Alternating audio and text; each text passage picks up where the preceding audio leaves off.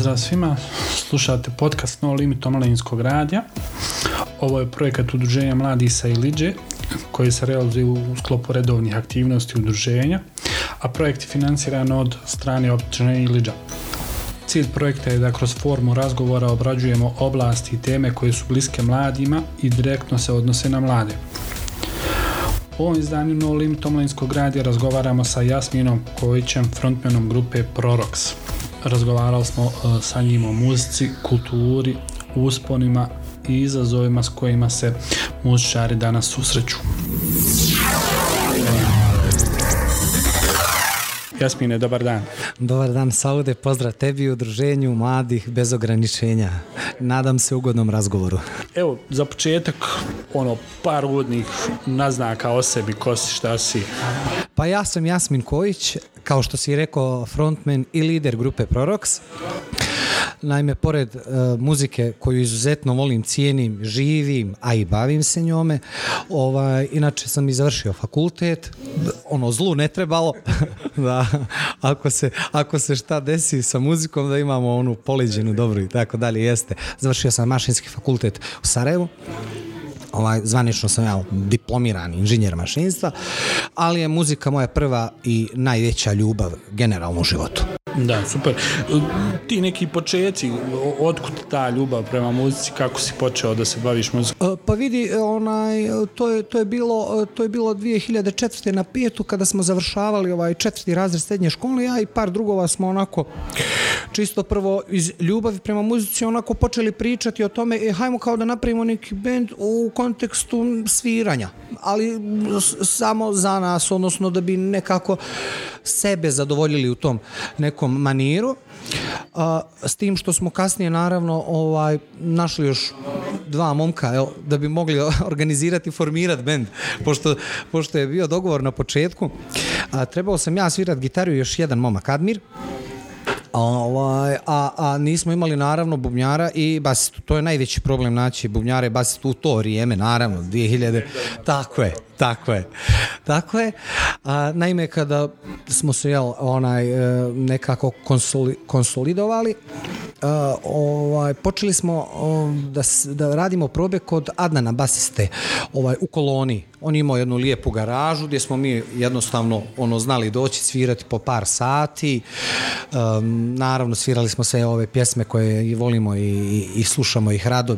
To su otprilike bendovi mahom s bivše Jugoslavije. Počev od Indeksa, Ju grupe, preko Dugmeta, Parnog valjka, Kazališta, Riblje čorbe i do Van Goga koji se smatra sad jedinim nasljednikom rock'n'rolla bar na ovim prostorima. A da su živi i radi i dalje, naravno. tako je, naravno. Ta SEO je zakon, mislim, SEO lično znam tako da je SEO gigant.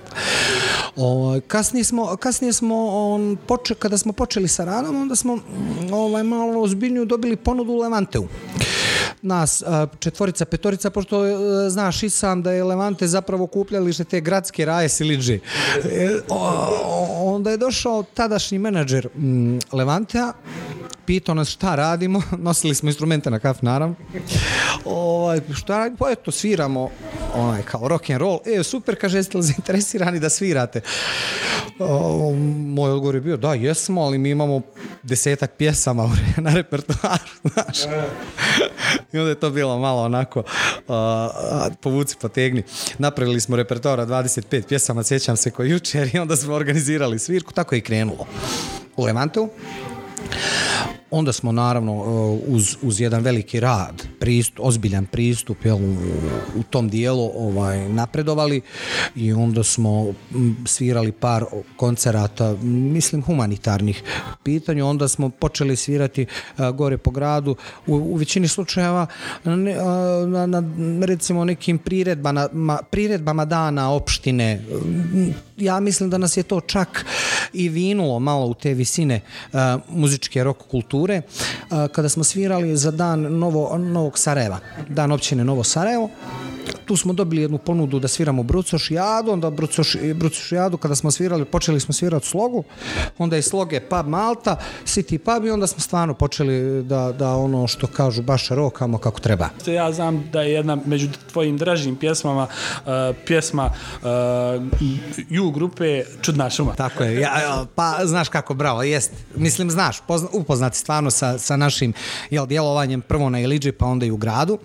Istina je, uh, ju grupa je generalno na mene kao i indeksi, naravno, s tim što ju grupa ima čvršći zvuk ovaj, i generalno su tu izražajne gitare, a ja volim ovako malo čvršći zvuk da se to čuje da je malo onako agresivniji jer sam po prirodi takav znaš. I onda, onda sam na kraju uh, i kada sam počeo da slušam kao klinac naravno moji su to slušali da se razumijemo ovaj, prvo što me privuklo jeste uh, indeksi su me privukli prvo ali onda je nadogradnja na grupu s tim što sam ti sada i rekao, ju grupa ima taj čvršći zvuk, tako mi je malo draža mi je iz razloga što, što se ta energija onako na jedan agresivan, jak način a, prenosi na publiku i to je publika, ka, kao što vrlo dobro znaš, prepoznala. Ovaj, pored naravno čudne šume tu generalno uh, ju grupa ima uh, jedan izuzetno izuzetno veliki opus uh, pjesama kvalitetnih koje ja i dan danas slušam. Inače sam veliki fan ju grupe kao indeksa kasnije i dugme naravno ostvari, ostavilo veliki uticaj na mene mada ju grupa je definitivno učinila svoje. I, I razlog zašto danas razgovaramo ovaj upravo jeste to da uh, da je Prorox band koji evo, napomenuo si, znači, iz srednje škole nastao, znači, nekako uh, nosi tu temu mladosti. Znači, mlad, četvorca, petorca mladi ljudi se okupili, htjeli su da sviraju za sebe, pa je spletom okolnosti prvi nastup, drugi nastup, evo, rekao se prired bez uh, dani opština, uh, Brucošijada, to je na neki način išlo u tom nekom uzlazom putanjom, tako da to je razlog zašto sam želio da obavimo razgovor s tobom, ovaj, čisto da pričamo o mladima, kako, kako općento, evo, ste vi bez, što se kaže, ičije pomoći, stvarno svojim radom, trudom uspjeli da budete danas gdje jeste. Hvala ti puno na lijepim riječima. Prvo, druga stvar jeste stvarno, mi kada smo krenuli, mi nismo imali tu sreću ili nesreću, kako god da, da nazovemo. To iz razloga što smo prvo bili na Iliči. Nije bilo rock bendova na koji bih se mogli mi ugledati, odnosno i tražiti savjet kojim putem i kako da se organiziramo i da krenemo, znaš. S druge strane, ovaj, gore u gradu je bilo bendova, kao što su The Blavors i Unplugged, Plugged, ali naravno mi smo bili klinci, nismo mogli doći do njih ili nekako razgovarati da bi mogli pokupiti fore, osim kad bi otišli na njihovim svirkama. Ti dobro znaš da je u Levantu Blavors svirali stvarno uh, dugi niz godina, jeste ovaj, izuz, izuzetno dobar band bio. O, tako da, da sam kupio na kraju krajeva ne iskustvo, neću reći iskustvo, ali način uh, implementiranja uh, same energije na mene najveći uticaj ostvario ovaj The Blavorsi s tim što je Jan Plag Plag s druge strane stvarno o, prikazao jednu vrstu gracioznosti dok su na sceni i onda sam ja na osnovu tih nekih jel, informacija zapravo kreirao sebi u glavi kako bi trebao um, moj bend, odnosno naš bend da, da izgleda i da, da bude i djeluje na, na našoj uh, BH sceni. Da. E, evo, pomenuo si na neki način te probleme, poteškoće kad nisi u samom centru dešavanja, nisi u, to nekoj e, urbanoj sredini. Koliko je teško tako jednom mladom bendu iz, da kažem, e, prigradske opštine, ovaj, mislim, Liđa kao opština nije, nije mala, ali evo, uzet ćemo primjer, ne znam, e, Breze. Ovaj, tako jedna mala sredina ko, ko, koliko je teško u, u, razgovarati. E, e, napraviti to što ste vi napravili u smislu to ti je stvarno dobro pitanje. Vidi ovaj ja bih to nekako uh, objasnio na sljedeći način a to je prvo naš rad naravno naša vježba drugo i, i treća stvar koja je također bitna jeste o, splet okolnosti koji se dešavao, a koji sam prethodno napomenuo. Imali smo jednostavno želju da uspijemo, zacrtali smo sebi ciljeve i stvarno smo ustrajali u tome. Nas petorica generalno smo otprilike imali uvijek taj stav, odnosno viziju da ako želimo da radimo to, da moramo prvo to prvo mi biti naravno dobri, jel? Kao ono na fakultetu ako želiš onaj položiti ispit moraš spremiti ispit logično. I bili smo svjesni situacije da mi kao upravo to što si rekao prigradski bend, hajmo reći prigradski bend, uopšte nije problem to reći naravno, ćemo imati teži put do, do recimo sarajevske scene. Jer znate kako uvijek normalno, logično da, da imate bendove koji su u gradu koji, kojima i bliže i, i, i drugačije da recimo ostvari e, neki uspjeh zato što je u centru dešavanja. A mi smo s druge strane morali stvarno da se fajtamo i to lavovski da se fajtamo, znači ponekad mi se čini da smo se borili sa vjetrenjačama. Vjeruj, stvarno jeste da, I, a, ali kažem ti ovaj treći dio, posebno ovaj treći dio imali smo tu taj splet okolnosti, imali smo tu i sreće što smo, kada smo mi radili, odnosno svirali na sceni, e, znao se pojaviti ljudi koji su prepoznali zapravo kvalitet, odnosno potencijalni kvalitet i onda su nam naravno i izašli susret u kontekstu dogovora svirki u gradu i tako i krenuo. Evo, o, po, pored tebe, ko, ko se još ovaj nalazi u bendu, ko je bio i ovaj odlazio iz benda, možemo li malo o sastavu pričati? Pa možemo naravno s tim što kad bih ti počeo nabrajati ko je sve bio u bendu, to bi trajalo 48 godina. bitna promjena u bendu jeste što je nekadašnji jedan od osnivača benda Prorok Sadnan Muratović, basista. On je izašao iz benda, napustio je bend iz nekih razloga, to jest iz razloga što nije mogao jel, da saglasi svoje obaveze uh, sa bendovskim i nažalost morao je napustiti bend. Uh, sada smo evo nedavno prije možda dvije sedmice smo dobili dva nova člana na poziciji gitare se vratio Admir Taba koji je i bio jedan od osnivača ovaj uh, Proroksa s tim što je i on imao problema na početku naravno kada se zaposlio nije mogao naravno da izdejstvuje taj izostanak a, a, dok, da bi svirao i onda je morao napustiti bend, pa je upao jedan drugi momak Olmo Vlahovljak koji je svirao do nedavno, pa je i on nažalost isto morao zbog svojih nekih obaveza napustiti bend i onda se Admir vratio, tako je silom prilika, zapravo se i vratio na svoju prirodnu poziciju, jel, kao osnivač Pro Rocksa. S druge strane, dobili smo novo pojačanje na klavijaturama, to je Amir Čefo, onaj izuzetno um, talentovan uh, dečko koji je zaista u, u, u, spada u red super kvalitetnih klavijaturista. A što se tiče ostatka benda, otprilike to je to u zadnjih par godina. Pomenuo si, završio si uh, fakultet. Tako je. Sad trenutno radiš, ne radiš? Tako je, ra radim u, u softverskoj firmi, iskreno nije vezano za, za, za moju struku, ali sam se tu dobro pokazao za sad. Ovaj, radim u prodajnom sektoru uh, firme koja se zove Next Vision. Onaj, e, zasob mi je dobro, stvarno. Mislim, znaš kako je, pazi, muzici mi, iskreno da budem, mi dobro radimo, e, uvijek, uvijek imamo nekog prilijeva novca, ali da se razumijemo, e, nemaš osiguranje, nemaš zdravstvenog, nemaš, jel, ni socijalno osiguran i onda je to stvarno problem za u buduće. Ako, pa, naravno, kao svaki normalan čovjek, planiraš porodicu, planiraš, jel, sebi kupiti stan i tako dalje, onda moraš imati neku sigurnost. Tako da, da radim. Naravno, prezadovoljan sam, prije, prethodno sam isto radio. Imam onako šaroliko iskustvo, bar, baš u toj struci radio sam u isto u prethodnoj firmi sam radio bukvalno ono što je moja struka, to, je energetika. Ja sam završio smjer energetiku i na postdiplomskom sam završio odbrambene tehnologije za namjensku industriju. Znaš, tako da sam u tom, u toj energetici, odnosno u sistemi grijanja i hlađenja, tu sam radio jednu godinu i nešto dana, pa sam jednostavno onaj vidio da, da praktično, da mi ne odgovaraju neki uslovi jednostavno kao, kao uposleniku i onda sam samo promijenio firmu i nastavio dalje. Trenutna, evo, 2020. je trenutna situacija na muzičkoj sceni sada i evo recimo kada ste vi nekako počinjali ovaj, možemo li tu neku komparaciju napraviti poređenje u smislu e, onoga što se sad mladima pruža i, i, ova, i ono što se mladima pružao dok smo mi bili mladi. To je isto zanimljivo pitanje.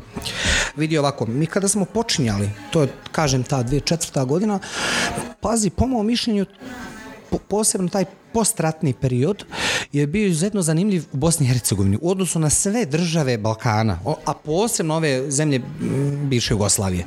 A to je da se, kao što i sam znaš, da se izrodilo i pet, šest dobrih bendova koji su stvarno krenuli jednom uzlaznom putanjom i, i naravno da su imali šta i ponuditi. Mislim naravno na, na Kaut, Punkt, Erogene zone, ovaj Magbet da sad evo ne zaboravim nekoga al to je al to je baš bio jedan zanimljiv broj bendova koji su krenuli izuzetno mislim svi sto kvalitetni muzičari naravno a ovaj i, i odlični ljudi koje neke i lično znam Zatim dešava se, de, dešava se taj period od, od, od 6. do, do 12.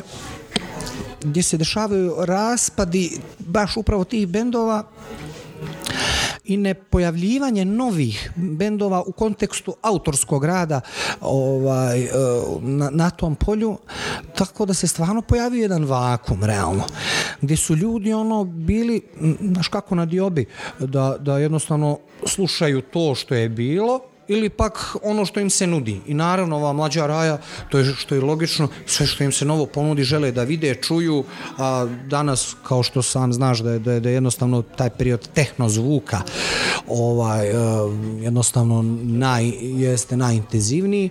Uh, raja jednostavno počela je to da sluša, da, da, da sviđa, odnosna kombinacija sad tehno narodne ove muzike, kao što znaš čime jo, danas, današnja muzika onaj pogođena što ja zapravo krivim m, iskreno bendove.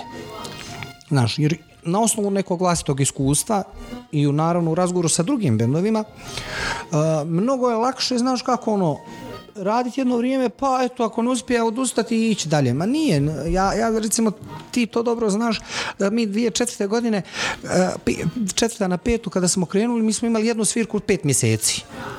Naš. Ali naravno da smo vježbali. Konstantno smo vježbali, konstantno smo se pripremali. Jer e, razmišljali smo svi tada dosta racionalnije, znaš, pa kao i odrasli ljudi. Pazi, pojava na, na, na većoj sceni ti se dešava jedno ili nijedno.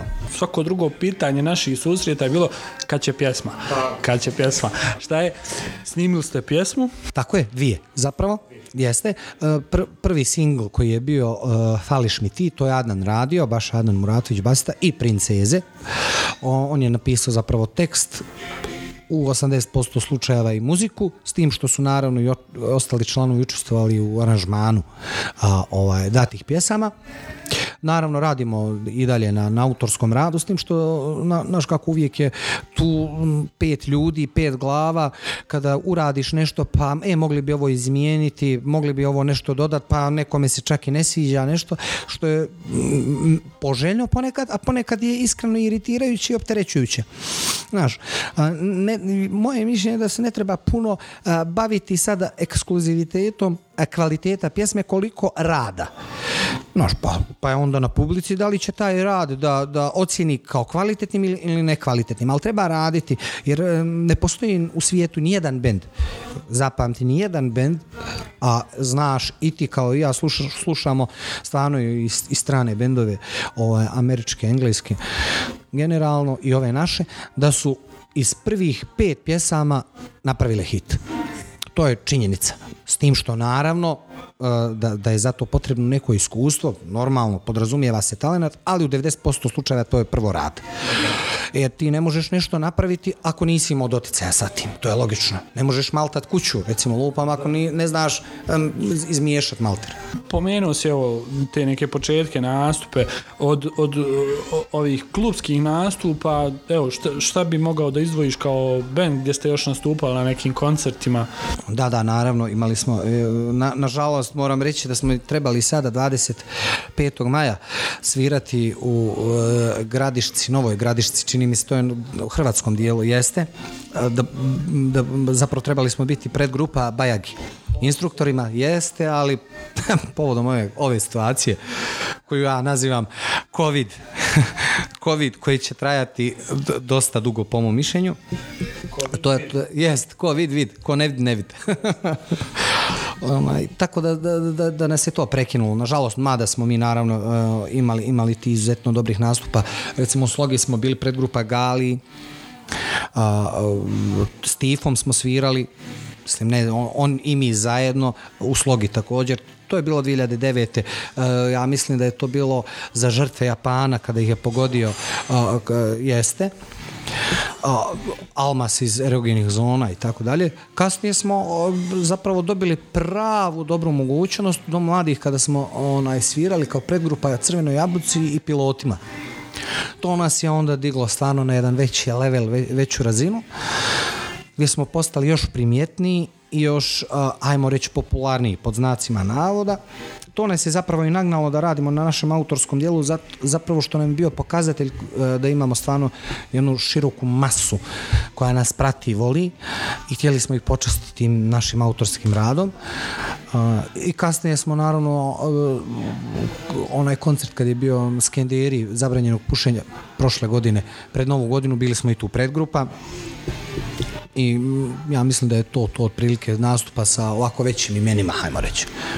Da, to je super. Evo, o, neko pitanje jeste o, taj neki e, festivalski repertuar u Bosni i Hercegovini, u Sarajevu i to, koliko, koliko to bendovima znači, evo, muzičarima općenito, ću tebi kao muzičaru, e, evo, rock, e, e, Ilidža Rock Fest, ovaj, ja znam da je ma, malo nade probudio ovaj, tu među, među, među onaj Ilidžancima, uh, ali evo, da, da je, koliko fali tih festivalskih uh, okupljanja i, i repertoara u tom smislu? Moram priznat, odlično se pripremio. Vidi, ovaj, hvali puno.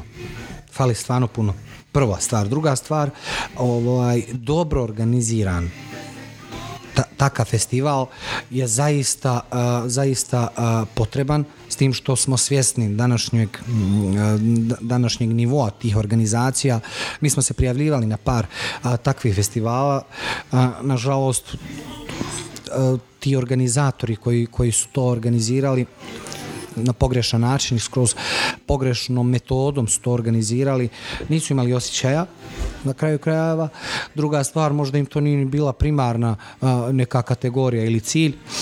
Tako da, da generalno, osim egzita u, u Novom Sadu ili pak Sarajevo Beer Festa u, u Srbiji. Ovaj, nema pomenio još ozbiljnije. Bila Banja Luka ono dobro krenu, ali evo vidim i ovih zadnjih godina ni oni nisu nešto uspjeli da održe taj kontinuitet. Što se tiče Eliđe i Eliđanskog festivala, moram prvo pohvaliti Selvira uh, Zičirovića koji je stvarno istrajan dečko koji, koji gura tu, uh, tu priču već par godina kao što i sam znaš i borba sa vjetrenjačama i borba sa financijama jer je uvijek nažalost moramo priznati uvijek je to problem. Znaš pazi koliko para toliko je muzike kako ljudi e, znaju reći. Tako da, da sam ja emotivno, naravno, lično prvo vezan za Eliđu i naravno da ću uvijek podržati i biti tu uh, kada bude trebalo i moram ga pohvaliti opet kažem Selver Selver, Selver je istrajan u tome i nadam se da će se to održati još dugo dugo trajati. Pa da evo rekao si nažalost taj OK Fest iz Banja Luke i, i taj Demo Fest onaj stvarno je ovaj žalosno s nekom tugom i, e, i ja osjećam to, te neke stvari. Mislim da da to neki pro, ono, prostor gdje su stvarno mladim mendovima davala prilika da se iskažu, dokažu i pokažu šta, šta znaju. Pa, znaš šta, tu je problem, to je problem poslije, šta poslije tog festivala, znaš. To je sve super, jer pazi, svaki festival iziskuje a, niz, recimo, organizacija, odnosno niz a, tih kategorizacija. Prvo je da pozoveš, naravno, na svakom festivalu prvo cilj je pozvat par a, jel, popularnih bendova koji će promovisati sam festival. Druga stvar, što je po meni, kao i ti što kažeš, najbitnije jeste taj autorski bend, odnosno nastup autorskog benda, jeste tu, ali onda se postavlja pitanje, oni pokažu i da znaju i kvalitet i ne znam, talenat i tako dalje, ali kasnije oni nestanu. Ti ne možeš sada, posebno poslije svih ovih dešavanja, poslije 2000. godine, ti ne možeš reći, e, pazi, taj taj bend je bio na tom tom festivalu i imaju album. Nemaju jer su na kraju svi osuđeni zapravo da finansiraju sami sebe u tom nekom pogledu ostvarivanja jel, muzičke e, postojanosti sataš. Tako da, e, da iskreno nisam zadovoljan nisam zadovoljan e, samim tim organizacionim sposobnostima ljudi koji to rade jer se nije pokazalo niti edukativnim, niti kvalitetnim, niti na kraju krajeva isplativim. Recimo ti si imao čovječe te, tih festivala gdje nekada davno se 60 i neke, recimo ju grupa koja je tada bila već ono establirana grupa bivšoj Jugoslaviji, primjera samo radim, pravim ti digresiju, ovaj, na stadionu, znači e, Marakana Crvene zvezde, organiziran koncert gdje, gdje im je predgrupa bila Bijelo dugme. Znaš, njih je čulo tada ipak stotinama hiljada ljudi. Razumiješ me? Onda se tu naravno ovaj, desilo ili se pojavilo dosta ljudi koji su prepoznali to i onda su im ponudili jel, rad, suradnju i snimanje. Ali suština svega ovog da, da je stajala država iza toga. Da su imali fond za kulturu, da su zapravo da je cilj države bila promovisanje kulture, što je na kraju krajeva najbitniji segment društva. Nažalost, kod nas to e, posebno poslije raspada bivše Jugoslavije nijedna država se ne može baš pohvaliti a super kvalitetnim kako bih ti rekao kulturološkim događajima. Ne, sve je to nasljedstvo zapravo iz bivše Jugoslavije. To je činjenica. Tu ne trebamo se previše biti pametni da, da bi to onaj i primijetili i rekli. Evo ne da se vratimo ovaj uh, ovim nekim pozitivnim stvarima ono što, što, što ti kao osoba nosiš sa sobom kao bend ovaj, iz kojem sviraš. Uh, pomenuo si, znači, e, prva pjesma je Fališ mi ti, druga je pjesma Princez. Ovaj, kako, je, kako je išao taj proces? najveći, hajmo reći, najintrigantniji dio jeste zapravo napraviti nešto svoje. To je stvarno tako. Generalno, evo, znaš sam, mislim, evo, uzmeš, po, pođeš od porodice, aha, oženio sam se, imam dijete, e, sad trebalo kuću praviti. Tako ti sa pjesmom, generalno. Ovaj, Adnan je naravno imao par pjesama, on je napisao tekst tekstova, jednu 5-6 komada, gdje smo se mi ono naravno sastajali u okviru probe, svakako jer mi pravimo praktično probu za skidanje pjesama ovo, za cover varijante. S jedne strane, s druge strane odvojimo si vremena za rad na autorskim stvarima. Tako da ja nam došao sa, sa napisanim tekstom ovaj, uh, Fališ mi ti, koja je stvarno odmah na prvu e, legla. Lijep je refren, pjevljiv je refren. Ovaj, počeli smo naravno uh, od um, raditi od tog dijela recimo anažmanskog, svako imao svoj neki prijedlog gdje recimo to je najljepša stvar u proroksima gdje svaki pojedinac može zaista učestvovati ako želi, naravno ako ima volje i želje rada i talenta, da učestvuje u kreiranju ovaj pjesme. Znaš kako, sjedneš, Adnan svira, nadovezuju se momci iz benda, ja otprilike uzmem pa pjevam onako na, na jednu 5-6 različitih načina da vidimo koji je najbolji, prateći naravno sve njih i onda na kraju probe zapravo napravimo neku analizu. Snimamo, naravno, prethodno snimamo sve to i onda odlučimo, e pazi, hajmo ove, ova dva, tri prijedloga izbaciti, kao ne sviđaju nam se, nisu dobri i tako dalje i tako dalje. Da, da, ali ne fališ mi ti. Jest onda uzmemo nekako suzimo to na dva kandidata, ovo isto ko izbori.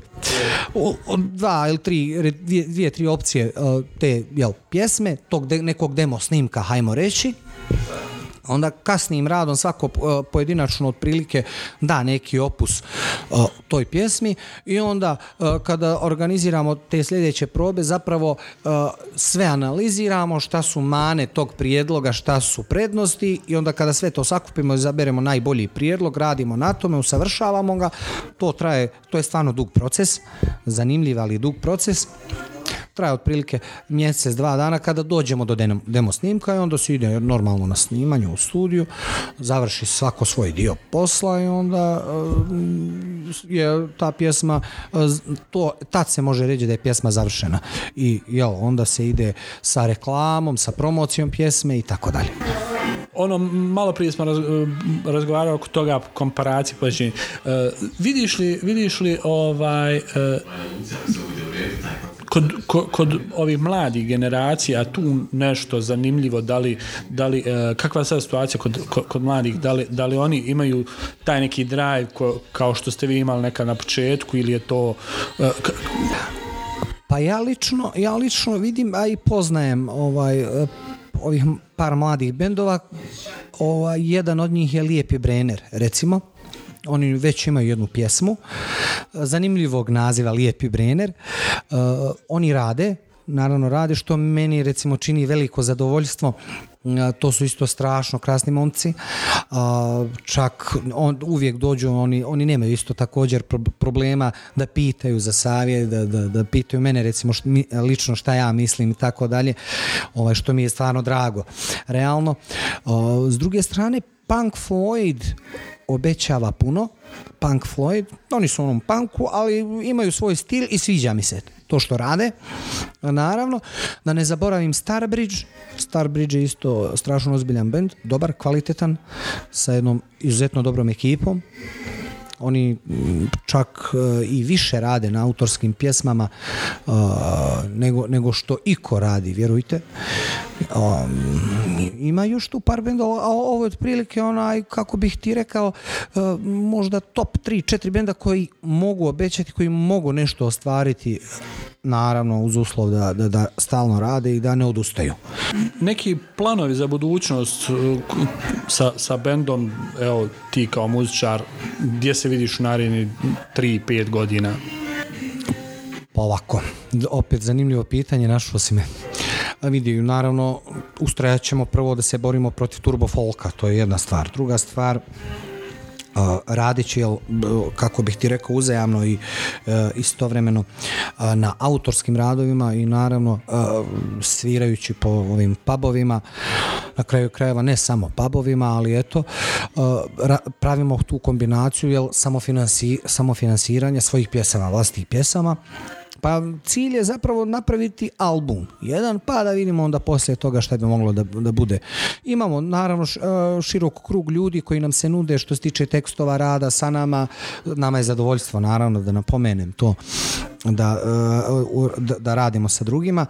Naravno posebno ako neko ima bolju ideju, ja uvijek, ja nemam stvarno kompleksa, ja sam možda jedan od rijetkih muzičara koji stvarno nema kompleksa ni u jednom tom segmentu, ako neko ima bolji prijedlog ili, ili bolju pjesmu od naše, naravno uzet ćemo je, platit ćemo je, šta god, nebitno snimit ćemo je i onda ćemo je ovaj, izdati. Ali cilj je za pet godina uh, imati bar jedan, minimalno jedan album i želja bi bila naravno jedan veliki koncert do mladih. Evo ja bih želio da se zahvalim za ovaj razgovor, e, tebi lično, tvom bendu, e, puno sreće i uspjeha, e, radujemo se ovaj prepunom domu mladih i ovaj naravno slušamo, slušamo vaše pjesme. Hvala ti Saude, hvala ti još jedno na poziv, svako dobro.